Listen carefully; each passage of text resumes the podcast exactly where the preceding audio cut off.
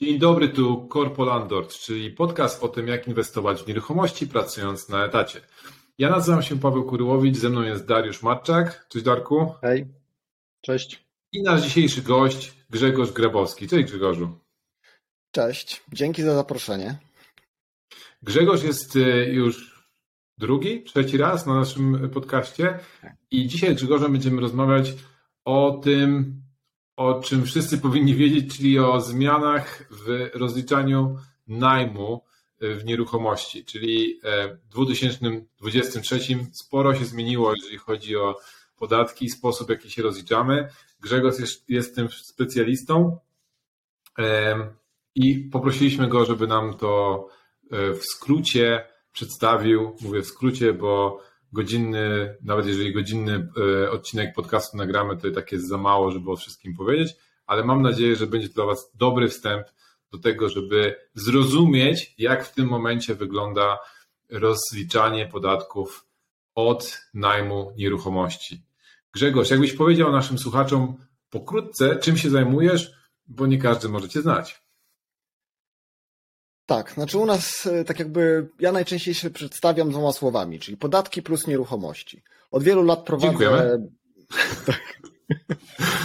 E, prowadzę blog wynajmistrz.pl, mamy biuro rachunkowe wyspecjalizowane w nieruchomościach, mamy spółkę doradztwa podatkowego, która też w tym siedzi, robimy szkolenia z tego wszystkiego, robimy kurs online, robimy webinary, więc tak jak, natomiast wszystko się obraca wokół podatki plus nieruchomości. Super. Grzegorz, to na początku tak pigułka. Co się zmieniło w 2023 roku, jeżeli chodzi o najem, e, od rozliczanie najmu z nieruchomości? Zakładając bardzo prosty scenariusz, jestem właścicielem mieszkania, które wynajmuję osobie, która na długi termin ode mnie wynajmuje to mieszkanie, mieszka w nim od dwóch lat. E, jak to wyglądało w 2022 roku? Jak to wygląda od stycznia 2023 roku? Można powiedzieć o dwóch kluczowych zmianach, y, które są konsekwencją Polskiego Ładu, czyli tego, co weszło w życie w styczniu 2022. Czyli o tych zmianach już oczywiście wiedzieliśmy wcześniej, natomiast pewne kluczowe kwestie wchodzą dopiero właśnie od stycznia 2023. Pierwsza zmiana to taka, że w ramach najmu prywatnego nie można już rozliczać się na tak zwanych zasadach ogólnych, czyli według skali. Można się rozliczać wyłącznie ryczałtem, czyli nie, nie można już rozliczać się tą metodą, gdzie mogliśmy rozliczać koszty, czyli koszty zmniejszały nasz dochód, a przez to podatek. Możemy rozliczać się wyłącznie na zasadach podatku e, rozliczanego od przychodu czyli ryczałtem. Według tych stawek 8,5 i 12,5%, powyżej, y, przy czym ta stawka 12,5 obowiązuje od przychodu powyżej 100 tysięcy rocznie i tutaj ciekawostka niezbyt y, tak jakby pozytywna, że ten limit 100 tysięcy złotych jest jeden dla małżeństwa, nawet jeśli to małżeństwo ma rozdzielność majątkową. I to wow. jest pierwsza kluczowa zmiana, czyli w najmie prywatnym wyłącznie ryczałt. E, i druga kluczowa zmiana to jest likwidacja już całkowita od stycznia 23 amortyzacji e, nieruchomości mieszkalnych. Ta likwidacja tej amortyzacji tak jakby wchodziła stopniowo, czyli w 22 mogliśmy amortyzować, ale e, nieruchomości mieszkalne, ale tylko te nabyte przed 22, a od 2000 trzeciego roku już nie możemy amortyzować w ogóle nieruchomości mieszkalnych, niezależnie od tego, kto jest właścicielem tych nieruchomości, czyli czy to jest osoba fizyczna, osoba fizyczna prowadząca działalność, czy spółka, niezależnie od tego, w jaki sposób ta nieruchomość jest wykorzystywana, czy jako siedziba firmy, czy jest komuś wynajmowana, i też niezależnie od tego, jeśli jest wynajmowana, na jaki cel to jest wynajmowane, czy na cele mieszkaniowe, czy na cele jakiejś działalności gospodarczej, czy też jakieś in, inne. Generalnie nie ma amortyzacji, e, nie ma amortyzacji mieszkaniówki, no tam z pewnym takim wyjątkiem, że tam w ramach CIT-u estońskiego można jeszcze próbować to robić, ale to, to nie, i tak, to niewiele nam daje. E, I... A lokale użytkowe? Jeśli chodzi o amortyzację lokali użytkowych, to tutaj się nic nie zmieniło. Nadal możemy, mogliśmy i możemy, e, i możemy amortyzować. I oczywiście tutaj wchodzimy w ten temat e, ochrony, e, zasady ochrony praw nabytych, tak? Czyli jest jeszcze w Konstytucji coś takiego jak e, to, że zasada ochrony praw nabytych, słusznie nabytych, czyli że jeśli zaczęliśmy jakąś działalność, inwestycję w pewnym stanie prawnym, to powinniśmy móc ją dokończyć z zachowaniem tych warunków, w których ją zaczęliśmy, tak? Czyli żeby nie było zmieniania reguł gry w trakcie tej gry. No bo tak jakby jeśli ktoś zaczął amortyzację, zainwestował w mieszkanie, czy tam w budynek mieszkalny, zaczął amortyzację, to zabranie mu tej amortyzacji w tym momencie to jest zmiana reguł gry w trakcie jej trwania. Tak? Więc oczywiście bardzo dużo osób złożyło wnioski o interpretacje indywidualne, pytając, czy będą mogli kontynuować tą amortyzację zaczętą wcześniej. Oczywiście dostali odpowiedzi negatywne. E, w związku z tym dużo osób poszło do sądu, między innymi ja, między innymi nasza kancelaria też kilka takich spraw prowadzi. I na poziomie WSA pojawiają się już, pojawiły się już pierwsze wyroki, no i tam niestety tak jakby nie są one korzystne dla podatników. Tam są dwa rodzaje tych wyroków. Pierwszy to taki, że sąd stwierdził, tak jakby te przepisy są zgodne z konstytucją, y, ta zasada ochrony praw słusznie nabytych nie jest tak jakby y, taka mm, żelazna, tak, taka y, jednoznaczna, w związku z tym tutaj ten sąd uważa, że te przepisy są zgodne, są zgodne z konstytucją, to jest tak jakby jedna grupa wyroków i druga grupa wyroków, gdzie ten sąd stwierdza, że stwierdził, że w ramach postępowania dotyczącego indywidualnej interpretacji podatkowej, ten fiskus y, nie może, nie powinien sprawdzać zgodności przepisów z konstytucją, że to można ewentualnie w ramach postępowania wymiarowego, więc tak jakby jest jeszcze jakaś tam y, dalsza droga. No i oczywiście z tego w USA sporo osób trafi, trafi albo trafiło do NSA, więc tak jakby przegraliśmy w cudzysłowie mm, może jedną czy dwie bitwy, natomiast może to nie jest dobra analogia z obecnych czasach, tak? ale wojna nadal trwa, tak? że całej wojny jeszcze nie przegraliśmy. Yy, że, że, że tak jakby piłka jest, nadal, piłka jest nadal w grze, zwłaszcza, że tam w którymś momencie się pojawiła taka wypowiedź chyba ministra Sobonia, gdzie on zapytany o tą E, amortyzację, odpowiedział, że nie zamykamy się na zmiany również w tym zakresie, więc jakiś tam być może światełko w tunelu jest, ale zobaczymy. Więc w każdym razie tak, ryczałt tylko w najmie prywatnym i brak amortyzacji mieszkaniówki są takie kluczowe kwestie, które wpływają na rozliczanie najmu w 2023 roku. No ja od razu Ci powiem, że ja poddałem się, wiesiłem białą, białą flagę i przestałem od stycznia rozliczać jakby amortyzację mieszkań u siebie. Z księgowym tak ustaliliśmy ale może to był błąd. Z tego, co mówisz, to no zobaczymy. No to tutaj tak jakby możemy od razu powiedzieć, znaczy nie sądzę, żeby to był błąd, bo tak jakby to, to że to przestałeś, nie oznacza, że nie możesz tej, tej amortyzacji wrócić. Tak? To znaczy, że jeśli amortyzowałeś wcześniej i się okaże, że tak jakby ta zasada ochrony praw słusznie y, nabytych y, zadziała, no to możesz do tej amortyzacji wrócić. Tak? Więc tutaj tych strategii na podejście do tej amortyzacji jest kilka. To znaczy można tak jakby w cudzysłowie, tak jak powiedziałeś, wywiesić flagę i przejść na ryczałt, albo jeśli rozliczam się w ramach działalności gospodarczej, no to nie amortyzować i tam ewentualnie mieć wysoki dochód. To jest jedno podejście. Yy, I jeśli się pojawi ta amortyzacja, w sensie będzie można, do, do, ta zasada ochrony praw słusznie nabytych y, y, zadziała, no to po prostu wtedy wrócisz do tej, albo to, to wrócisz do tej amortyzacji, zaczniesz po prostu amortyzować, tak? To raz.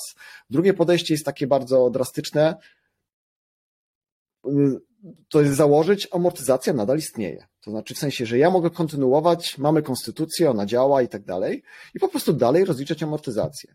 No i oczywiście wtedy się może fiskus zgłosić, powiedzieć, to nie, nie miałeś prawa tego, nie miałeś prawa tego amortyzować, ten naliczy podatek, znaczy wy, w cudzysłowie wywalić tę amortyzację z kosztu, naliczy podatek plus odsetki, trzeba będzie zapłacić ten podatek, no ale idziesz do sądu wtedy i ewentualnie walczysz i może wygrywasz w tym sądzie, tak? To jest takie drastyczne. Może, podejście.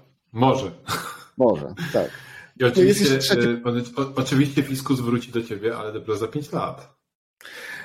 Nie będzie tak, że w przyszłym roku zapuka i powie e, Panie Grabowski, Tutaj za 2023 brakuje nam trochę kasy, musi pan nam to zwrócić. To będzie w 2024 e, w październiku. Tak, bardzo dobra, bardzo dobra uwaga. Dlatego jeśli byśmy chcieli takie podejście zastosować, to e, niektórzy myślą o tym, żeby w cudzysłowie donieść na siebie. Czyli tak jakby zrobić może nie samodonos, jakiś tam donieść na siebie, żeby tą kontrolę przyciągnąć szybciej niż wolniej. Bo jest jeszcze trzecie podejście, które można zastosować, czyli yy, nie amortyzować z miesiąca na miesiąc. Wtedy będziemy mieli w ramach tej działalności wysoki dochód, zapłacić ten podatek od tego wysokiego dochodu, ale później wpisać do ewidencji amortyzację tak jakby jednorazowo za cały rok w grudniu. Wtedy nam wyjdzie, powinna wyjść nadpłata w tym podatku i zgłosić, na, znaczy tak jakby wykazać nadpłatę i zgłosić się do Urzędu Skarbowego o zwrot.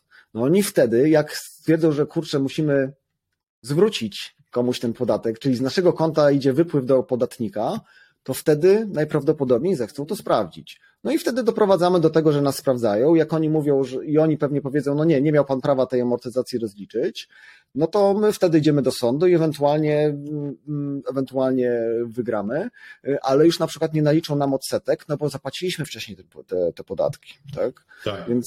Tak, tak. Ale my możemy e, naliczyć odsetki urzędowi skarbowemu. No, chyba to tak nie działa. Nie, nie, to niestety, to niestety tak Darek, nie działa. jakby coś, to ja chętnie na ciebie doniosę. Zawsze, zawsze. Dzięki Paweł, naprawdę jestem no. wzruszony. Możesz, możesz, możesz się spać spokojnie. Jak coś, to masz, masz kogoś, na kogo możesz liczyć. Wiem. Grzegorz, dla mnie to brzmi tak, jakby po prostu cały ten system rozliczania najmu y, stanął na głowie, bo ja mam wśród moich znajomych kilka, kilkanaście osób, które kupowało nieruchomości po to, żeby robić tak zwaną tarczę podatkową, czyli wykorzystywało e, wysoką amortyzację w nieruchomościach, które e, podatkowo przynosiły stratę, chociaż cash flow był pozytywny, e, po to, żeby zmniejszać sobie podatki albo składki na podatkach za dochody, które uzyskiwali gdzieś indziej. Więc rozumiem, że te osoby w tym momencie no, niestety, ale, ale czeka ich dość spora zmiana, jeżeli chodzi to, o, to, o to, co zostaje w kieszeni. Tak, no niestety jest tak, że ustawodawca zauważył ten rynek nieruchomości, w szczególności, w szczególności inwestu, te osoby inwestujące w mieszkania na wynajem, y, że ten rynek jest jeszcze w cudzysłowie możliwy do wyciśnięcia, tak, że takiego znalazł sobie, no nie wiem jak to powiedzieć, chłopca do bicia, y, że, że z tego rynku jeszcze można coś wy, wycisnąć, y, to no, że nie chcę, nie chcę tutaj wchodzić mocno w politykę, ale tak jakby jeśli chodzi o e, wybory, to to są e, tak jakby kroki, które nie powinny e, temu ustawodawcy, obecnej partii rządzącej bardzo zaszkodzić, tak? Więc tak, tak jakby tak, tak, można ten, ten rynek wycisnąć i niestety to, to widać. To znaczy, to nie jest tylko ta likwidacja amortyzacji, to nie jest tylko ta, to zmuszenie do ryczałtu w najmie prywatnym, tylko to są też kolejne zmiany, o których pewnie za chwilę będziemy. Yy, Ale rozumiem, rozmawiać. że osobie, która się y, do tej pory rozliczała na ryczałcie, albo jest inaczej, jest, y, ma, ma najem prywatny, czyli nie ma, nie ma działalności gospodarczej, w której ma wciągnięte te nieruchomości, to to, czy ta amortyzacja zostanie wykazana, czy nie, czy zostanie zachowana jako, e, jako te prawa nabyte, o których mówisz, to to nic nie zmienia, tak? Bo i tak, i tak ryczałt obowiązuje, więc to, że będzie miał amortyzację, ale, e, ale ma ryczałt, to, to, to, to kompletnie mu nic nie daje. W tym sensie, żeby obniżać składki podatków. Tak, niestety tak. To znaczy ta, ta zmiana polegająca na wycięciu możliwości rozliczania się według skali w ramach najmu prywatnego spowodowała, że ta kwestia amortyzacji dla tych osób, które chcą się rozliczać prywatnie, tak naprawdę nie ma znaczenia, bo i tak prywatnie amortyzacji nie rozliczą, bo się nie da w ramach ryczałtu, że w ryczałcie ta tak. amortyzacja nic nie, e, nic nie zmieni. Więc tak naprawdę jedynie co wtedy można rozważać, no to przesunięcie tego najmu z najmu prywatnego do działalności gospodarczej. I oczywiście trzeba dobrze policzyć, dobrze przeanalizować, czy to ma sens. I my żeśmy to wielokrotnie liczyli, nawet zrobiliśmy pod to kalkulator, e, żeby porównać, czy ten najem rozliczać w ramach działalności gospodarczej, czy w ramach najmu prywatnego ryczałtem. I w większości przypadków, nawet jeśli mamy wysokie koszty odsetek, jakieś inne koszty tego związane z tym najmem, to w większości przypadków jednak ten najem w ramach najmu prywatnego, rozliczany ryczałtem, daje lepszy wynik, czyli więcej nam zostaje w kieszeni. Oczywiście okay. w większości przypadków, kiedy porównywaliśmy, że, że to jest działalność gospodarcza zakładana po to, żeby rozliczać ten najem.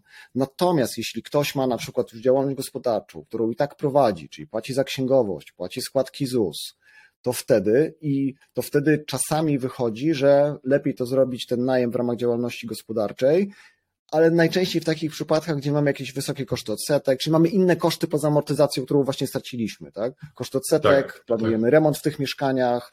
No dzisiaj te koszty odsetek mogą być wysokie, no bo przy obecnych stopach procentowych, y, jak ktoś ma to mieszkanie na, na kredyt, no to te odsetki rzeczywiście mogą być wysokie. Y, więc mhm. sporo zależy od sytuacji, natomiast najczęściej, zwłaszcza przy mniejszej skali, ten ryczałt wychodzi lepiej. Dobra, A trzeba to, to tak po prostu krok po, To tak krok po kroku.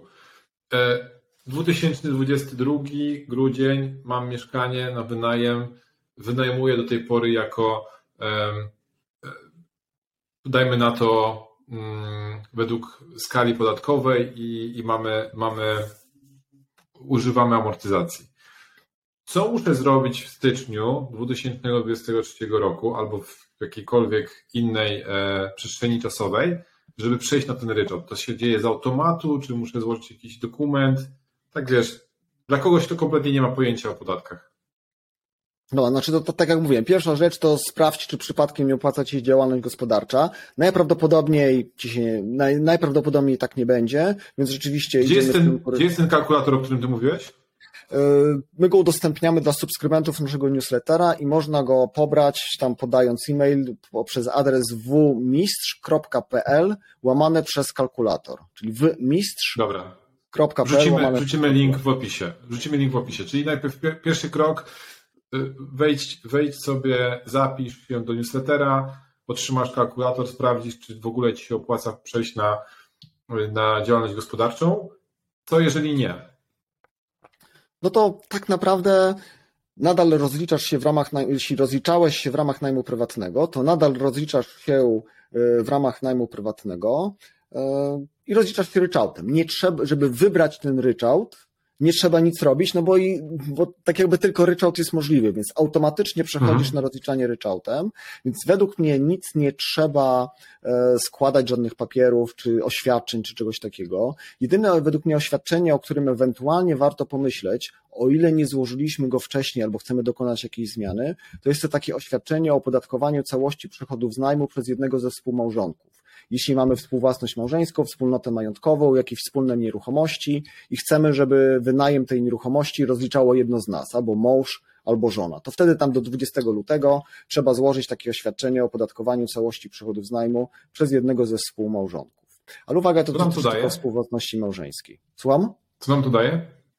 E, tak jakby mm, możliwość, że, bo generalna zasada jest taka, że e, jeśli wynajmujemy współwłasność małżeńską, to każdy powinien rozliczać tą swoją połowę. Czyli jak wynajmujemy mieszkanie Aha. za 1000 zł, które jest współwłasnością małżeńską, no to mąż rozliczy 500 zł przychodu, żona rozliczy 500 zł przychodu. To jest generalna zasada. Natomiast, żeby jedno z I to, nich... I to nie znaczy, że mąż zostanie te 500 zł. Tak dalej?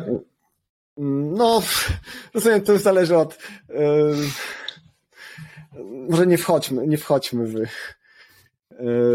w szczegóły. Mm, z tak jakby relacji małżeńskich. Y, Darek, jesteś wyciszony.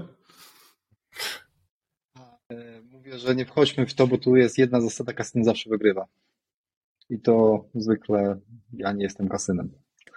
No, idźmy dalej. Dobra, czyli, dalej. czyli, tak. e, czyli, czyli jak, jak, jak nie chcemy mieć tej generalnej zasady, że po połowie rozliczamy podatki, to to trzeba złożyć taki dokument i wtedy mamy jedną osobę, ale jakie są korzyści z tego, że jedna osoba się rozlicza z, z ryczałtu? Mm. Po prostu mniej papierologii, czy...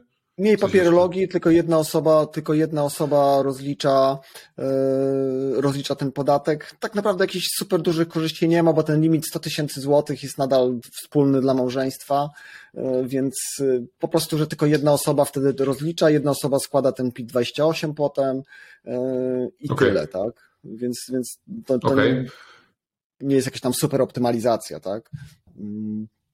No Dobra, tak. załóżmy, załóżmy, że jestem singlem, nie mam, nie mam żony albo co innego. Po prostu nie, nie potrzebuję, nie potrzebuję takiego dokumentu składać. Czyli przychodzę na ryczałt i, i co, od stycznia zaczynam płacić zaliczki, Yy, bo do tej pory na przykład nie płaciłem zaliczek, bo rozliczałem się raz w roku, tylko wiesz, bo mieszkanie przynosiło stratę. No to tutaj tak, to po prostu przechodzisz na ryczałt, to znaczy tak jakby w cudzysłowie automatycznie przechodzisz na ryczałt e, i tutaj tak jakby są dwie kwestie. E, Ryczałt można rozliczać miesięcznie bądź kwartalnie, czyli jeśli chcesz się rozliczać miesięcznie, to do 20 dnia miesiąca następnego po miesiącu, którym uzyskałeś dany przychód, trzeba policzyć te 8,5 albo 12,5 i wpłacić na konto e, Urzędu Skarbowego tamten swój mikrorachunek podatkowy z oznaczeniem PPE, czyli y, podatek od przychodów ewidencjonowanych, odpowiednią, odpowiednią kwotę podatku. Jeśli zdecydujemy się na rozliczenie kwartalne, to wtedy robimy to do końca, do 20 dnia miesiąca, po miesią, y, miesiąca następnego po miesiącu, kiedy skończył się dany kwartał, czyli tak naprawdę do 20 kwietnia. Tak? Czyli albo do 20 lutego za styczeń, albo jeśli będziemy się rozliczać kwartalnie, do 20 kwietnia. E, Tak naprawdę większy, my najczęściej sugerujemy rozliczanie kwartalne, no bo wtedy musisz robić tam te cztery przelewy w roku, a, a niekoniecznie 12. No i tyle, więc to jest tak jakby Numer, numer rachunku bankowego też piszemy na dole podcastu. W opisie. Tak. Pamiętając, Czemu portugalski? no właśnie. No. Dawaj. I, e, I druga kwestia to jest to, że można, trzeba pamiętać o tym, że w najmie prywatnym, znaczy nie tylko w najmie prywatnym, że generalnie jest coś takiego jak możliwość rozliczania strat z lat ubiegłych. Czyli możemy rozliczać roz, straty mm, osiągnięte czy tam uzyskane mm, w latach poprzednich. E, I teraz tak, zasada jest taka, że można rozliczać stratę z lat ubiegłych tylko w ramach tego samego źródła przychodu. Czyli jeśli rozliczaliśmy się najmem prywat, w ramach najmu prywatnego, to straty w ramach najmu prywatnego rozliczymy tylko w ramach najmu prywatnego. Jeśli uzyskaliśmy w ramach najmu prywatnego stratę, a przejdziemy na działalność gospodarczą, to już tych strat z najmu prywatnego w działalności gospodarczej nie rozliczymy. I odwrotnie. No i tutaj ciekawe jest to, że w ryczałcie też można te straty rozliczać. W ryczałcie tych strat nie wygenerujemy, no bo tam nie rozliczamy kosztów, no to nie, nie, nie da rady tych, tych strat wygenerować, ale można je rozliczać. E, Czyli jeśli wygenerowaliśmy poprzez tą wysoką amortyzację, na przykład w ramach najmu prywatnego, wysokie straty w latach ubiegłych, w 21, 22 czy wcześniej, to w 23, rozliczając się ryczałtem, możemy te straty zastosować, wykorzystać do obniżenia naszego przychodu, który będzie podlegał opodatkowaniu tym ryczałtem. Czyli na tych stratach zarobimy albo 8,5, albo 12,5%. No i tutaj jest ta zasada, że straty można rozliczyć przez kolejne 5 lat, nie więcej niż 50% straty z danego roku w, jednym z tych, w, w, jednym, w jednym z tych pięciu lat. Plus, jeśli to były straty osiągnięte w 2019 albo później, to możemy jeszcze rozliczyć daną stratę jednorazowo całą w danym roku, jednak nie więcej niż 5 milionów złotych. Czyli de facto w praktyce. Już bardziej nie mogli tego skomplikować. No niestety, ale w praktyce to wygląda tak, że jeśli mamy jakieś straty z lat ubiegłych, y, od 2019 roku i później, to według mnie zaczynamy płacić ryczałt w 2023 roku dopiero jak te straty wykorzystamy. Czyli jeśli mamy na przykład, Okej. nie wiem, 50 tysięcy strat z lat ubiegłych, to dopiero, to dopiero jak nasz przychód z tego, tego najmu w 23 przekroczy 50 tysięcy złotych, to dopiero zaczynamy naliczać, y, naliczać te 8,5 i 12,5 i wpłacać do Urzędu Skarbowego. I mamy klientów, którzy te straty z lat ubiegłych mają tak duże, że w 23 w ogóle podatku nie zapłacą, no bo wykorzystają w pełni te, w pełni te straty z lat, ubiegłych. Czyli ci, co mieli wysoką amortyzację ustawioną, to, to im, się, e, im się to pewnie będzie opłacać. Albo mieli tak. bardzo duże koszty. Znaczy, tak. co w praktyce, to jak patrzę po, siebie, po swoim przykładzie, gdzie ja mam tych mieszkań no, kilka, małe kilkanaście, to amortyzacja oczywiście dawała mi sporową, e, sporową e, przewagę, taką podatkową, natomiast koszty. No, jak robiłeś remonty, brałeś fakturę od ekip, e, wszystkie meble, wszystko za fakturę brałeś, to naprawdę dla mnie na przykład główną jakby tarczą podatkową były remonty, które i tak musiałem zrobić, kupowałem mieszkanie do remontu i tam ta, ta była największa, szczególnie, że największe mieszkanie z rynku wtórnego, najdroższe, poprzednia jeszcze księgowa, ustawiła mi na 1,5%. Tak, a później już tego, a później już tego się a nie później, da zmienić. Tak. A później już tego nie dało zmienić, no. Tak. Po prostu myślałem, że się załamę. Jak po roku się skapnąłem, że to jest jakby piach idzie ileś dziesiątków tysięcy miesięcznie, rocznie to, to szkoda, że, że dopiero teraz nagrywamy ten odcinek, bo właśnie wpadłem na pomysł, trzeba było robić wszystkim remonty w 2022 roku, żeby mogli sobie to jeszcze rozliczyć w kolejnym roku. Tak, i my powiem szczerze, w 22 właśnie w czasie takich rozmów, też jakichś tam naszych webinarach i tak dalej, to mówiliśmy jasno, że jeśli macie jakieś remonty do zrobienia, to nie czekajcie z nimi, tylko zróbcie w tym roku, znaczy w tym, w sensie w 22, bo, bo w 22 to rozliczycie, a w 23 już niestety nie. Yy, chyba, że tak. przejdziecie na rozliczenie w ramach yy, działalności gospodarczej. Ale tak jak mówiłem, zakładanie działalności gospodarczej tylko po to, żeby rozliczać najem jednego, dwóch, pięciu mieszkań, najczęściej się nie opłaca, bo jak zakładamy tą działalność, to wchodzimy w koszty księgowości, dodatkowo składkę zdrowotną, tak. a jeśli jeszcze nie mamy pracodawcy, to jeszcze ewentualnie w składki ZUS społeczne, tak, co już w ogóle zabija sensowność tego, tego rodzaju e, kroku. Okej. Okay. Dobra, to jeszcze zapytam o, tą, o to przejście. Załóżmy, że komuś się to spina, żeby przejść na działalność gospodarczą. Rozmawialiśmy o ryczałcie. W ryczałcie nie musi nic robić, bo jest automatycznie. Jedyne co, to musi rozliczyć ten podatek w zaliczce albo 20 dnia miesiąca następującego po styczniu, czyli jeżeli to będzie miesięcznie, albo 20 dnia miesiąca następującego po końcu kwartału, kwartału tak? tak Dobrze, to tak, no tam jest jeszcze kwestia, że w, to pewnie możemy później jeszcze do tego wrócić, że w ramach ryczałtu jest ten sposób na optymalizację tego ryczałtu poprzez zmniejszenie przychodu, yy, poprzez przerzucenie opłat na najemcy. To też jest jakiś tam w miarę, wydaje mi się, obecnie gorący i ciekawy temat, ale możemy do tego wrócić. To, to, to nie, to, to, zapyta, to, to ja wrócę do tej drugiej myśli za chwilę. To zostajmy jeszcze przy tym ryczałcie, bo to rzeczywiście jakby nie mieszajmy tych wątków. Okay. Czy wystarczy, żeby zapisać, że część pieniędzy, które wpływa do, do ciebie na konto, jest na pokrycie, na pokrycie rachunków wygenerowanych czy kosztów wygenerowanych przez najemcę, czy to musi być tak, że to najemca płaci bezpośrednio? To jest tak. Pierwsza, pierwsza rzecz, którą muszę powiedzieć, że to, co teraz powiem, to, co ty zapytałeś, ma znaczenie, ma możliwość, tak jakby jest ta możliwość optymalizacji tylko w ramach najmu prywatnego. Czyli w ramach działalności gospodarczej rozliczanej ryczałtem, czy, czy nawet nie ryczałtem, to przerzucenie opłat na najemcę nie powoduje zmniejszenia naszego przychodu.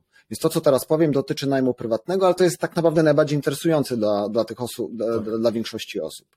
Więc tak, e, te, polega to na tym, że przerzucamy opłaty na najemcę i w związku z tym te opłaty nie są naszym przychodem. I żeby to zadziałało, to trzeba to przede wszystkim dobrze zapisać w umowie. I według mnie wystarczy to dobrze zapisać w umowie i oczywiście później sensownie rozliczać, czyli nie, nie trzeba według mnie zrobić, żeby nie musi to być tak, że najemca musi wpłacać bezpośrednio do dostawcy. Według obecnych interpretacji, które być może się zmienią w przyszłości, ale według tych interpretacji, które mamy obecnie, jest tak, że przede wszystkim trzeba to dobrze zapisać w umowie, czyli w ten sposób, że czynsz najmu wynosi na przykład, nie wiem, 1000 złotych, a oprócz, i dalej piszemy, że oprócz tego najemca ma obowiązek ponosić opłaty typu tam prąd, woda, gaz, ogrzewanie i tyle. I w ten sposób moż, i w ten sposób y, tak jakby podatek płacimy od tego 1000 zł czynszu najmu. Można jeszcze dodać, że te powyższe opłaty typu prąd, woda, gaz, ogrzewanie i tak dalej, najemca ponosi za pośrednictwem wynajmującego. Czyli wpłaca na Mhm. nasze konto tego wynajmującego, a ten wynajmujący to w cudzysłowie forwarduje dalej do dostawcy. I nadal tym naszym przychodem, mimo tego, że te pieniądze przechodzą przez konto wynajmującego, naszym przy- przychodem wynajmującego będzie ten czynsz najmu.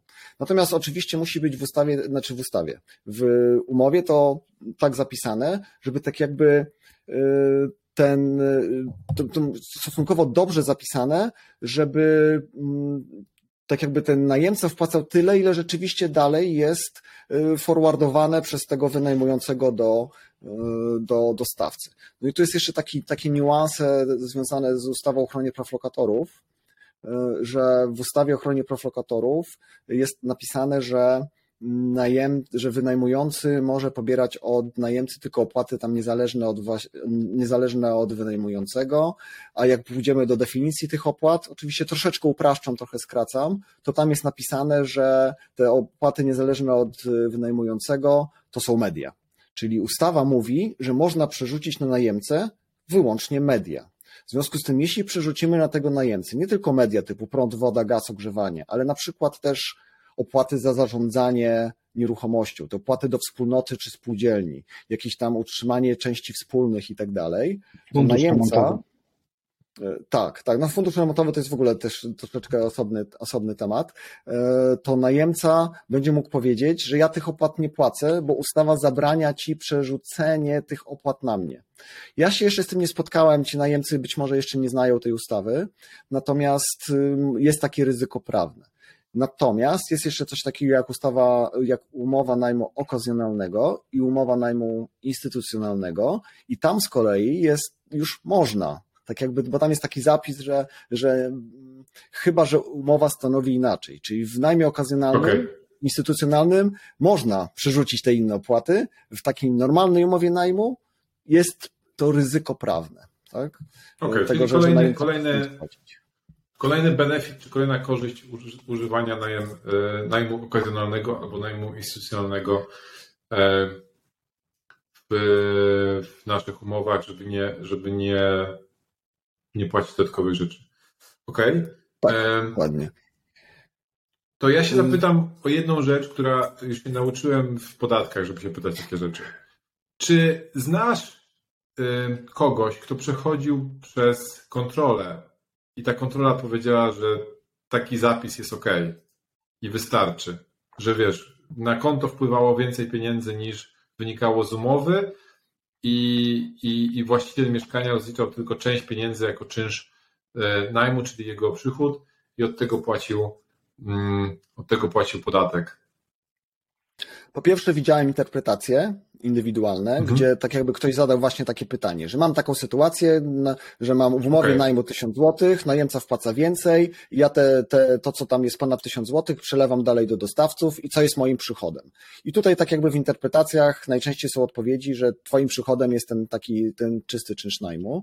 Po drugie widziałem tak jakby czynności sprawdzające, czyli że przychodził urząd skarbowy i to przychodził, w sensie żądał dokumentów, bo to już się tam zdalnie Tak, odbywa tak, tak. e, że, że y, y, tak jakby sprawdzał tego rodzaju, tego rodzaju sytuacje i z mojego doświadczenia najczęściej patrzył na e, umowę. Jeśli w umowie to było dobrze zapisane, to już nie szedł dalej. Natomiast osobiście nie widziałem kontroli, to znaczy kontroli robionej w tej, w tym, e, w tym zakresie, bo to jest tak jakby najczęściej kontroli się nie robi, y, fiskus nie robi kontroli w, w tego typu sprawach, bo to są jednak mimo wszystko stosunkowo drobne, mniejsze kwoty. Także tam No właśnie chciałem powiedzieć, że chyba w ogóle nie, nie ma dużo. kontroli, w ogóle chyba kontroli w takim najmie e, prywatnym jest bardzo mało. Przynajmniej ja nie słyszałem o tym, żeby ktoś miał kontrolę. One są, ale rzeczywiście według mnie prawdopodobieństwo tego, że najem prywatny będzie y, oficjalnie kontrolowany jest y, niewielkie, bo tam tak jakby z punktu widzenia fiskusa jest no nie, mniej do ugrania niż w innych kwestiach. y, No właśnie, dokładnie. No, kry- kryterium, kryterium ewentualnego, ewentualnych Ale ja na Darka dla- i tak doniosę, spokojnie. Czynności sprawdzające, sprawdzające miałem już kilka razy, e, dwa. Znaczy zawsze ja, jak bat odzyskuję, to zawsze mam właściwie. Chociaż nie, raz odzyskiwałem, nie miałem już po którymś razie. Natomiast pytanie, czym się różni kontrola od czynności sprawdzających? jakby to powiedzieć, nie chcę wchodzić, nie chcę wchodzić mocno w szczegóły, natomiast y, to jest tam wszystko opisane w ustawach. Możesz powiedzieć pomidor. Tak, no, powiedz pomidor. No dobra, no mówię, mówię, mówię pomidor. No generalnie lepiej mieć y, czynności sprawdzające niż kontrolę. Kontrola tak jakby ma jakieś tam swoje uwarunkowania, musi być oficjalnie rozpoczęta, musi być protokół z kontroli i tak dalej. Okay. A na przykład czynności sprawdzające się zaczynają, mogą być wykonywane, ale nie ma jakiegoś takiego y, punktu w procesie, y, tym, w, tym, w, tym, w tym procesie, że ta, te czynności się kończą. Tak? Czyli tak jakby Urząd Skarbowy może zacząć, ty mu wysyłasz dokumenty, i koniec. I dziękuję. nie, nie ma, wiesz, nie, ma, nie wiesz, czy to było w porządku, czy nie, czy... I najczęściej... To mnie najbardziej najczęściej... irytuje. Bo wiesz, wysyłasz te dokumenty, znaczy księgowy wysyła i mija dzień, dwa, nikt się nie odzywa, patrzę, pieniądze wpływają. Pytam się księgowego, to znaczy, że jest ok. No tak, no wpłynęły, to jest ok. Ale nie masz jakby, wiesz, nikt napisze, dziękujemy za dokumenty, wszystko jest ok, proszę tam, albo dziękujemy za dokumenty, wyślemy przelew, albo cokolwiek, nie ma. Ale jak ktoś by napisał, to byś miał podkład, że wszystko jest ok. No tak, no może, jest... może, no. Tak, tak. A tak to, to mogą po prostu powiedzieć, że się pomylili, ten, ten przelew, wiesz, niechcący wysłali. Żarcik, no, tak. oczywiście, żarcik. No. dobra, to tutaj to myślę, że więcej... Płakać, no ja wiesz, to jest płacz, znaczy śmiech przez łzy, no. Tak. Zwróć uwagę, ja Chociaż jestem ubrany ja myślę, na czarno, że... ty jesteś ubrany na czarno. Ale wiecie co, ostatnio mieliśmy, chyba teraz wyjdzie ten, nie, odcinek wyjdzie za jakiś miesiąc, e, e, o Jezu, kolegę, który mówił, jak myślicie, że najem jest i w ogóle mieszkalnictwo w Polsce jest uregulowane, to rozpocznijcie biznes w sektorze energetycznym. To dopiero zobaczycie, co tam się dzieje, więc nie jest nie, tak to, to, to, nie chodzi, to nie chodzi o najem, to nie chodzi o, wiesz, ten nasz, tą naszą część biznesu, to ogólnie chodzi o system podatkowy, tak, że Grzegorz mówi o interpretacje e, indywidualne. Super, tylko ja bym chciał tak, żeby jeżeli Grzegorz dostanie interpretację indywidualną, która mówi mu, że tak, to ten sposób się rozlicza, to żeby ona też miała zasadność do mnie, tak? Że jeżeli mam dokładnie taką samą tak. sytuację, to też mogę powiedzieć, ale teraz, Grzegorz dostał taką interpretację, to ja, ja też proszę. Nie, nie, to pan Grzegorz miał co innego. Pan już nie może tego wykorzystać. No jak? No ale moja sytuacja jest dokładnie taka sama. Identyczna. Jota w jotę. Inne mieszkanie tylko. No, ale to już jest inna sytuacja. Dobra, idea... idźmy tą drogą. Idealną sytuacją byłoby, gdyby, gdyby te interpretacje w ogóle nie były potrzebne, czyli gdyby przepisy były na tak. tyle jasne i jednoznaczne, żebyśmy nie musieli o te interpretacje pisać. Ta liczba interpretacji o, o to, to, to. wskaźnikiem jakości legislacji niestety, tak? O to, to, to. Ale ja zachęcam nie narzekać, tylko działać i y, o tym działaniu porozmawiajmy dalej, czyli załóżmy, że jednak mi się spina, żeby przenieść tą nieruchomość do, do działalności gospodarczej, e, to co muszę zrobić? Jak to wygląda, wiesz, tak procesowo? W grudniu jeszcze miałem mieszkanie na w najmie takim prywatnym, a teraz chcę, mam działalność gospodarczą, którą wykorzystuję do czegoś innego, nie wiem, jestem programistą, który świadczy usługi IT komuś. E, I teraz wy, wy, wygląda na to, że i tak płacę ZUSy, podatki, mam księgowego, to może jednak wciągnę to do, do, do, do swojej działalności. Jak to wygląda krok po kroku?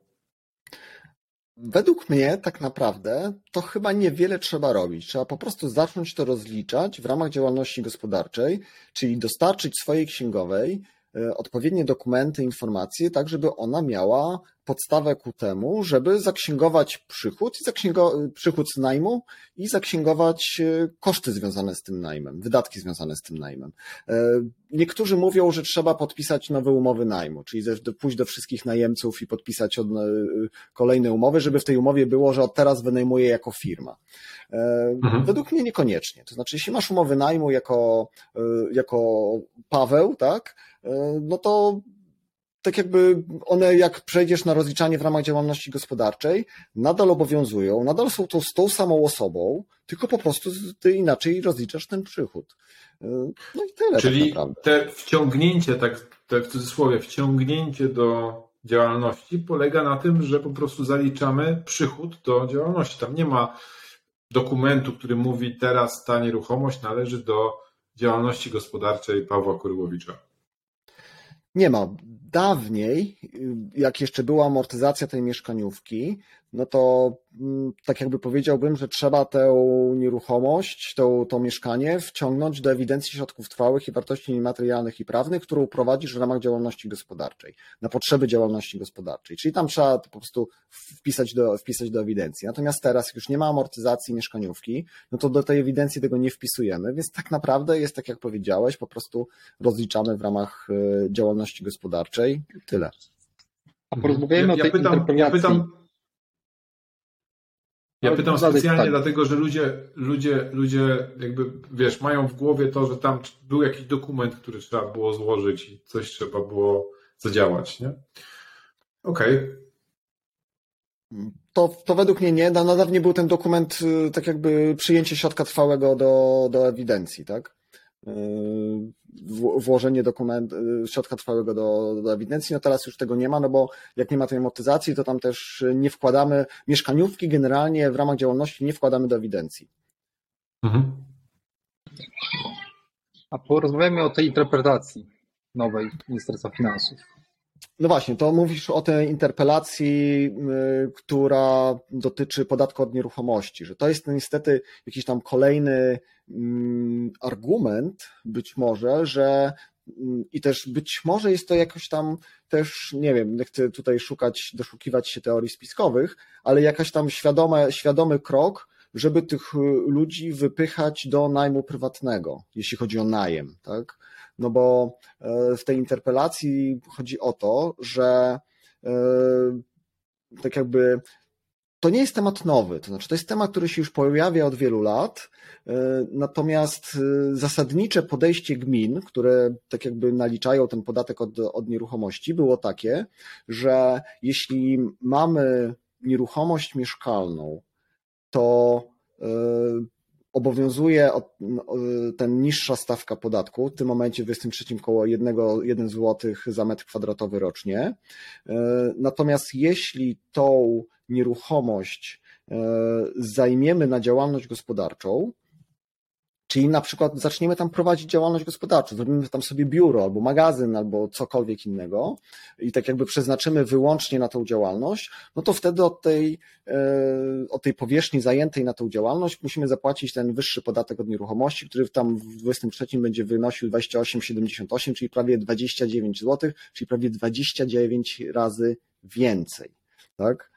E, No i tutaj w tej, e, natomiast w domyśle było tak, i tak jakby tak też podchodziły gminy, że jeśli ktoś wynajmował tą nieruchomość mieszkalną, ona była nadal wykorzystywana na cele mieszkalne, no bo ci najemcy tam spełniali swoje cele, cele mieszkalne, ale było to rozliczane w ramach działalności, no to obowiązywała ta niższa stawka podatku, czyli te 1 zł za, za metr kwadratowy. Dawniej ona była mniej, tam chyba 80 parę czy coś takiego, e, bo ona się zmienia co roku. Może się zmienić co roku. E, I e, natomiast w tej interpelacji, tak jakby minister odpowiedział w ten sposób, że jego zdaniem, oczywiście oddając decyzję trochę w kierunku gmin, znaczy dając decyzję, bo to decydują gminy tak naprawdę, ale powiedział, że jego zdaniem, jeśli jest nieruchomość mieszkalna wykorzystywana na cele mieszkaniowe, ale to jest rozliczane w ramach działalności gospodarczej, to oznacza, że w tych mieszkaniach jest prowadzona działalność polegająca na wynajmie na cele mieszkaniowe. W związku z tym to uprawnia do tezy, że powinien być, że to jest nieruchomość zajęta na prowadzenie, nieruchomość mieszkalna zajęta na prowadzenie działalności gospodarczej. W związku z tym można naliczyć tą wyższą stawkę od nieruchomości, podatku od nieruchomości. Czyli zamiast 1 zł z metra, to 29 zł z metra. To już jest duży wzrost. Przy 50 tam, y, przy 50-metrowym mieszkaniu, no to mamy tam 50 razy y, prawie tam 30 razy 30 zł, czyli 1500, prawie 1500 zł podatku rocznie zamiast 50 zł, tak? Uszczuplającego twój zysk roczny. Tak, tak. I tutaj tak jakby, no niestety jest i oczywiście nie mówię, że gminy nie próbowały w ten sposób rozumować wcześniej. Też mhm. niektóre gminy tak, to, tak, tak do tego podchodziły, jednak większość gmin zasadniczo tak jakby podchodziła, że jednak jest ta niższa stawka e, tutaj obowiązuje. E, I tutaj ta teza przedstawiona przez, e, w, w ramach tej interpelacji, to według mnie jest wbrew wieloletniemu orzecznictwu NSA, no bo mieliśmy już tego typu sprawy wcześniej i NSA wielokrotnie się wypowiadał, że mieszkaniówka będąca w posiadaniu przedsiębiorcy no nie podlega z automatu wyższej stawce, że samo posiadanie przez przedsiębiorcę nie oznacza, że trzeba e, naliczać wyższą stawkę. E, I tak jakby to musi być nieruchomość rzeczywiście zajęta na prowadzenie działalności, w takim rzeczywistym tego słowa znaczeniu zajęta. Też był wyrok Trybunału Konstytucyjnego, tak jakby, e, który o to zahacza. I tutaj tak jakby ta teza, którą tam przedstawiono, według mnie no nie jest słuszna i podejrzewam, że to się tam nie, nie skończy. Na to, nie, nie skończy, znaczy tak jakby będziemy mieli sprawy sądowe, będziemy mieli jakiś tam spór na ten temat, spory na ten temat. E, I natomiast minister tutaj no, niestety dał zielone światło gminom. Słuchajcie, w takiej sytuacji możecie naliczać wyższy podatek, a ponieważ gminy też tak jakby mają problemy z domykaniem budżetów, no to być może Szczególnie jak musieli im e, użytkowanie wieczyste. Tak, plus nastąpiła ta zmiana, że e, tak jakby większość osób trafiło do ryczałtu, e, a z kolei przychody, e, przychody z ryczałtu nie trafiają do gmin, tylko trafiają do, mm, do budżetu, więc tak jakby ten polski, polski ład niestety efektywnie zmniejszył przychody, przychody samorządów. Tak? Okej. Okay. Ale jak rozumiem, na ten moment, jakby od stycznia 2023, jeżeli nikt nie dostanie takiego oficjalnego pisma, że zwiększamy ci podatek ze względu na to, że prowadzisz działalność w, tym, w tej nieruchomości, to płaci normalnie to, co płacił do tej pory, tak? I to jest taki trochę. E, takie, to jest, to jest według mnie taki szary, szary obszar, bo tak jakby e, w przypadku e, tak jakby zmiany przeznaczenia danej nieruchomości trzeba to, tą zmianę zgłosić do, do gminy, tak? No więc teoretycznie powinniśmy zgłosić zmianę do gminy, ale jeśli tego nie zrobimy, no to, no to nie zrobimy, tak? Jasne, ja nie zamierzam. Rozumiem. Okej, okay, okay. tak na szybko policzyłem, u mnie 300 paru złotych bym płacił 10 tysięcy rocznie. Zamiast ilu? Jeszcze raz? 300 paru złotych. Zamiast 300 paru złotych byś płacił? Jeżeli, jeżeli liczymy metr za metr e, nieruchomości, jedną złotówkę, to mam 300 parę złotych podatku. To wiemy w takim razie, ile masz metrów kwadratowych wynajmowanych. Już wiemy, tak. już wiemy jak cię zgłosić. Dokładnie. Czyli słuchaj, wiesz co, ty w takim razie już nie możesz nie, w ramach tej ustawy 5 y, plus już nie mógłbyś kupić kolejnej nieruchomości, bo już te 315 metrów y, przekroczyłeś albo za chwilę przekroczysz, tak? No tak, właśnie. No to też może pogadać. Y, tak, to tak króciutko, bo jak rozumiem, to na razie tylko są zapowiedzi tak. tego, co może się wydarzyć. Jeszcze nie mamy nawet projektu ustawy. Natomiast to nie jest tak, że nie możesz kupić, tylko masz limit, tak? Że jedną na rok, jeżeli masz te 300 ileś tam metrów kwadratowych albo 5 nieruchomości. co, wracamy do, do, do kartkowania różnych tak. dóbr, które można tak, kupować? Widziałem takie, widziałem takie memy, takie memy krążące po internecie, mieszkania na kartki.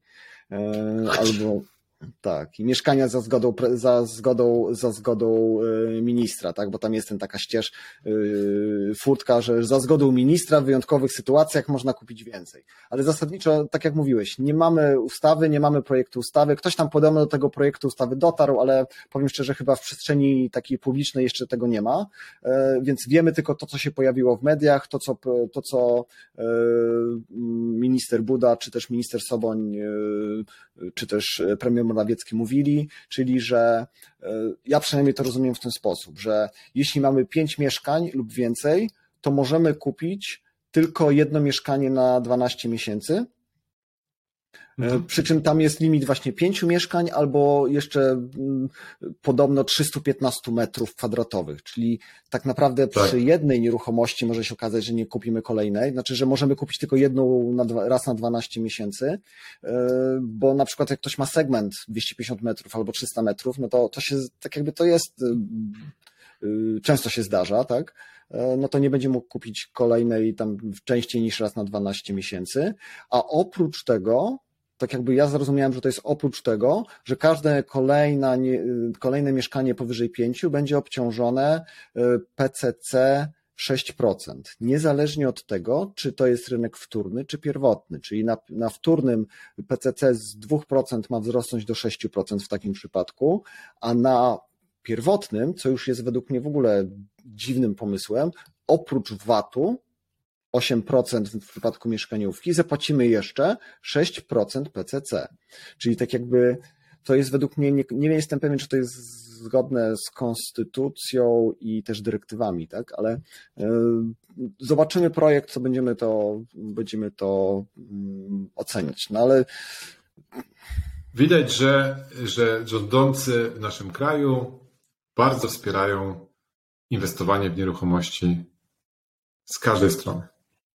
Tak, przy czym tak jakby pierwszy pomysł, jak zaczęli o tym mówić, to mówili, że chcą ochronić rynek przed wykupywaniem mieszkań przez duże fundusze kupujące po 100, 200 czy 300 mieszkań. A tu nagle wyskakują z projektem, że każdy, że już więcej niż 5 to sobie nie kupisz, tak? Znaczy, tak. ja nie znam funduszu, który by kupował 5 mieszkań. To znaczy, w sensie. Znaczy, umówmy się, fundusz znajdzie na to obejście, bo jak będzie chciał, to zostanie się deweloperem albo, albo zrobi cokolwiek innego albo znajdzie jakąkolwiek inną furtkę na to, żeby, żeby kupić te, te nieruchomości. Zresztą, jak tak dalej będą zmieniać prawo podatkowe i prawo ogólnie związane z nieruchomościami, to myślę, że żaden fundusz nie będzie chciał w ogóle inwestować w Polsce, bo stwierdzą, że jest zbyt duże ryzyko fiskalne, zmian fiskalnych, żeby, żeby pakować duże pieniądze. Może to jest plan. Tak namieszajmy, Może to jest plan. żeby żaden fundusz nie chciał wejść. Tak, znaczy, tak, tak, tak. Tak jakby medialnie to wszystko niby robią po to, żeby zwiększyć dostępność mieszkań dla, e, dla Polaków, dla obywateli. Natomiast e, oczywiście to, znaczy nie znam przypadku, żeby dodatkowy, dodatkowy podatek na jakieś dobro spowodowało, spowodował większość dostępność tego dobra. Znaczy, tak. to jest działanie w może, a może zapytajmy się, może się zapytajmy, co z innymi programami, które były y, stworzone po to, żeby zwiększyć dostępność do, do lokali. Co z tymi, z tymi budowami nieruchomości na wynajem, czy tam dla osób, które mają trudne, trudną sytuację finansową na terenach rządowych na przykład? Może wróćmy do tych programów, co się wydarzyło i jak dużo zostało wybudowane. Znaczy, ja, ja powiem szczerze, jak, jak są, pojawiają się takie kolejne programy, teraz jest chyba ten, ten, ten taki kredyt o oprocentowaniu, o niskim oprocentowaniu y, dla niektórych osób, e, to jak się pojawiają te kolejne programy, to ja już ich, powiem szczerze, nie analizuję, bo wiem, że żaden z nich tak naprawdę nigdy nie osiągnął tych celów, które miał osiągnąć. Większość z nich niestety, to się mówi, chyba spaliła na panewce, czyli tak jakby efekty tych programów były bardzo e, mizerne, e, bo tak jakby no tam chyba nie, nie, ma takiego rozumowania, że, że tak naprawdę, żeby zwiększyć dostępność tych mieszkań, no to trzeba zliberalizować prawo, raczej zmniejszyć podatki, zliberalizować prawo, ustawę o ochronie praw lokatorów, zrobić grunty bardziej dostępnymi, ułatwić budowy, ułatwić e, sprzedaż, więc tak jakby a nie wymyślanie wszystkie kolejnych... wszystkie, pomysły, wszystkie pomysły wyglądają na takie, że wiesz, jacyś przedsiębiorcy, prywaciarze na, zarabią, zarobią na kolejne pieniądze na, na biednych ludziach, którzy chcą po prostu mieszkać w większych mieszkaniach, a z większą liczbą pokoi w ogóle. To, to, to nie są dobre pomysły. No dlatego, dlatego Dobra. te, te pomysły pewnie nigdy nie zostaną wdrożone, no i będziemy tak jakby, no ale okej, no mamy, jak, mamy nie, nie, chyba nie mamy co narzekać, tak? W sensie nie powinniśmy narzekać, mamy rzeczywistość jaką mamy, też sobie z tym poradzimy. Oczywiście sytuacja podatkowa ludzi zajmujących się nieruchomościami się pogorszyła, tak, ale, ale tak jakby też sobie z tym, z tym poradzimy, też będziemy w, w, tej, w tej sytuacji robić dalej to, co robiliśmy, tak? Coca-Cola Dla- zawsze smakowała lepiej ileś lat temu. Tak. To już nie jest to Dla, dla pokazania perspektywy, jak wiecie, ja, ja inwestuję jakby na kilku rynkach i na przykład w Wielkiej Brytanii od momentu, kiedy się zacząłem y, interesować tym rynkiem dobre pewnie 8 lat temu, to z roku na rok jest coraz trudniej osobom, które chcą inwestować w nieruchomości. To w- z różnej strony, od podatków poprzez y, em, nakładanie licencji na osoby, które chcą wynajmować mieszkania w odpowiednim tam systemie, na przykład y, wynajem taki na pokoje. Także te rzeczy myślę, że się stają coraz bardziej e, skomplikowane nie tylko w Polsce. Nie? To nie jest tak, że, że to tylko Polska, w ogóle cały świat jest super otwarty na to, żeby e, trzepać kasę na nieruchomościach, a tylko w Polsce kurczę się zatrzymują tam i, i bronią tego, żeby, żeby nie udostępniać tego rynku. Myślę, że to jest wszędzie, tylko, tylko my zauważamy teraz coraz, bardziej u nas, bo do tej pory nie było tego, e, nie było takich dużych zmian, tak z roku na rok, z roku na rok, z roku na rok. Tak, Grzegorz, dokładnie. wiem, że wydałeś książkę o nieruchomościach. Sam kupiłem e, jeden egzemplarz, który do mnie e, jedzie, czy leci bardziej. Powiedz coś o tej książce. Tak, ja przez ostatnie 10 lat, y, znaczy aktualizowałem, wydawałem taką książkę o rozliczaniu podatków od najmu, a z racji tego właśnie, co się wydarzyło, czyli podatek od najmu stał się rozliczany praktycznie tylko ryczałtem, to ta książka o rozliczaniu podatków od najmu przestała mieć sens. W związku z tym napisałem nową, która się nazywa podatek ABC podatków w nieruchomościach.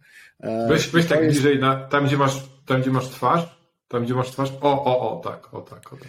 E, I to jest Super. taka książka, która to jest taka pigułka, to nie jest Biblia, to jest pigułka wiedzy e, o rozliczaniu najmu, podnajmu, prywatnej sprzedaży nieruchomości, wynajmu krótkoterminowego, pośrednictwa e, i flipów. To jest taka pigułka wiedzy dla inwestorów, dla pośredników i dla wszystkich przedsiębiorców, którzy zajmują się nieruchomościami.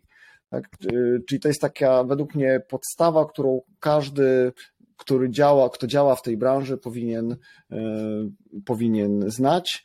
I ona tak jakby jest, to jest y, wydana na początku stycznia, czyli to jest w tym momencie świeża sprawa i dostępna jest na stronie abcpodatków.pl. Grzegorz, ja mam takie pytanie.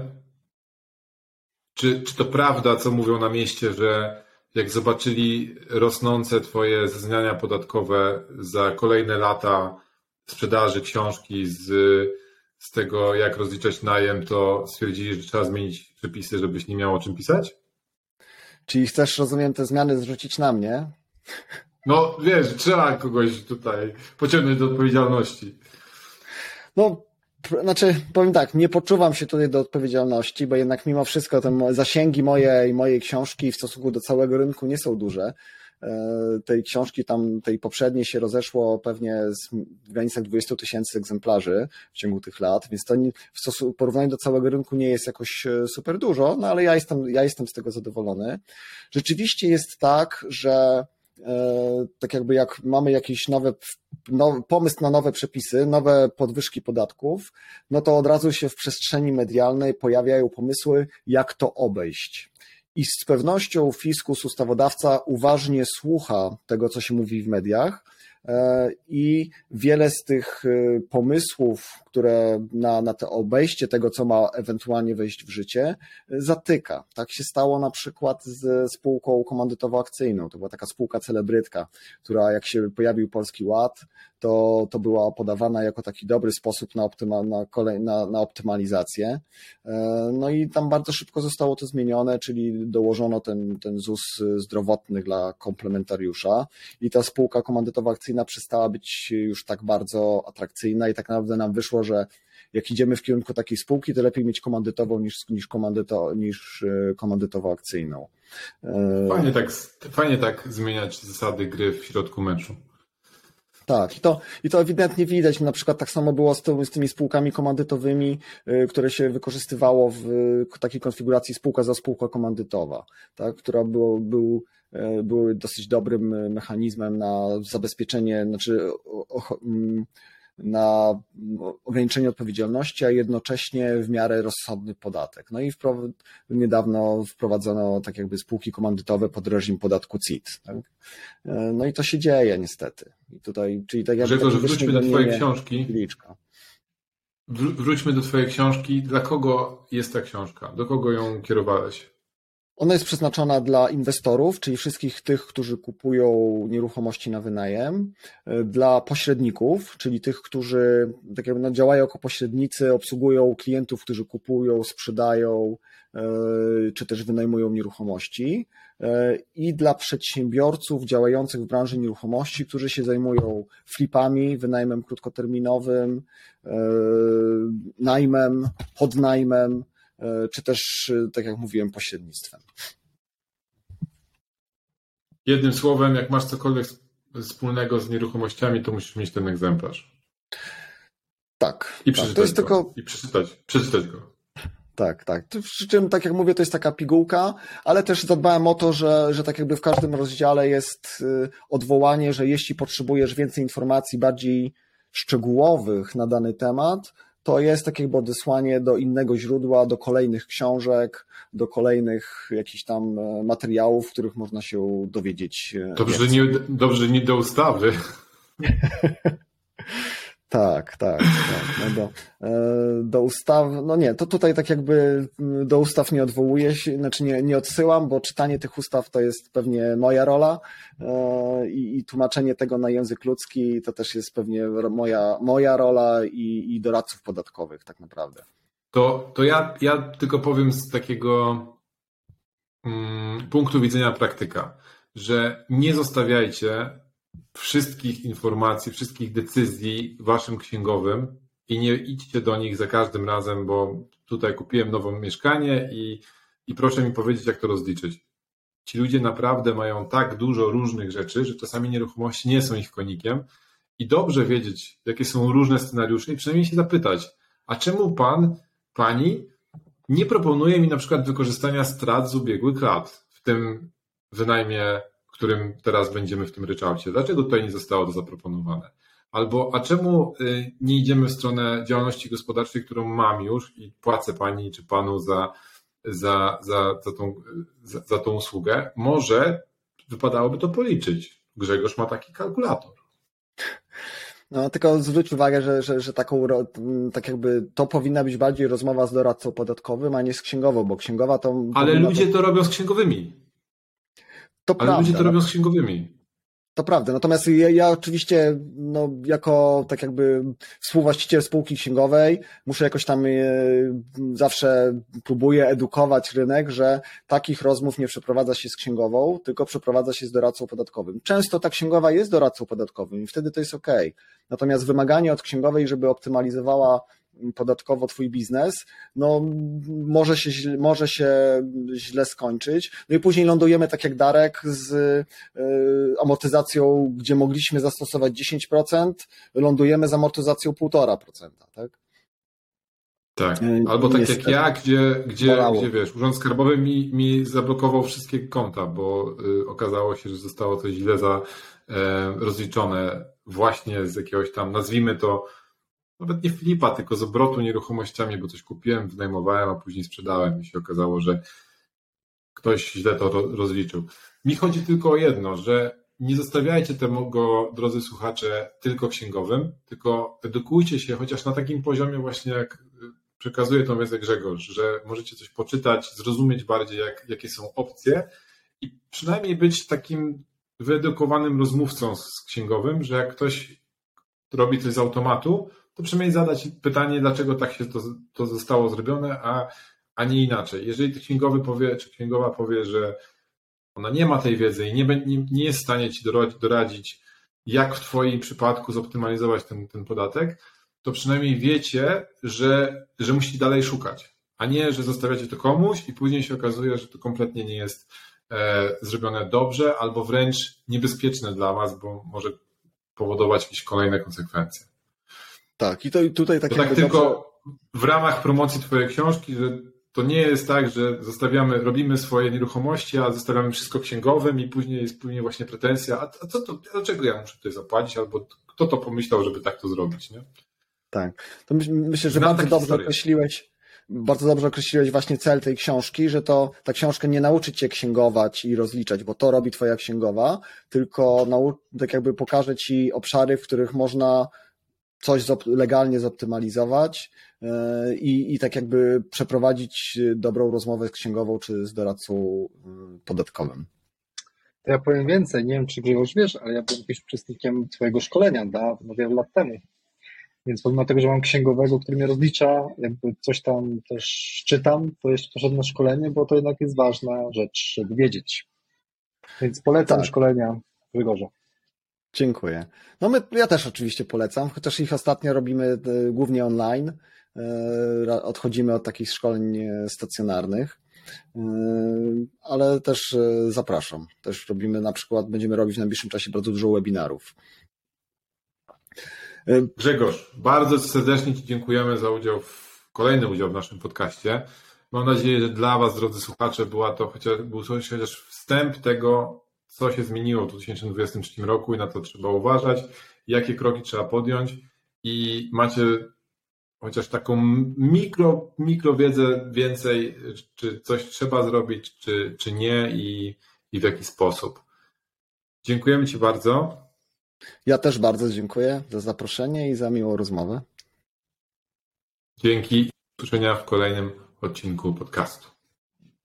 Dzięki.